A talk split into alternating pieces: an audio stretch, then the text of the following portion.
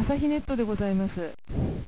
朝日ネットでは、東京03地域を除く全国のアクセスポイントを変更いたしました。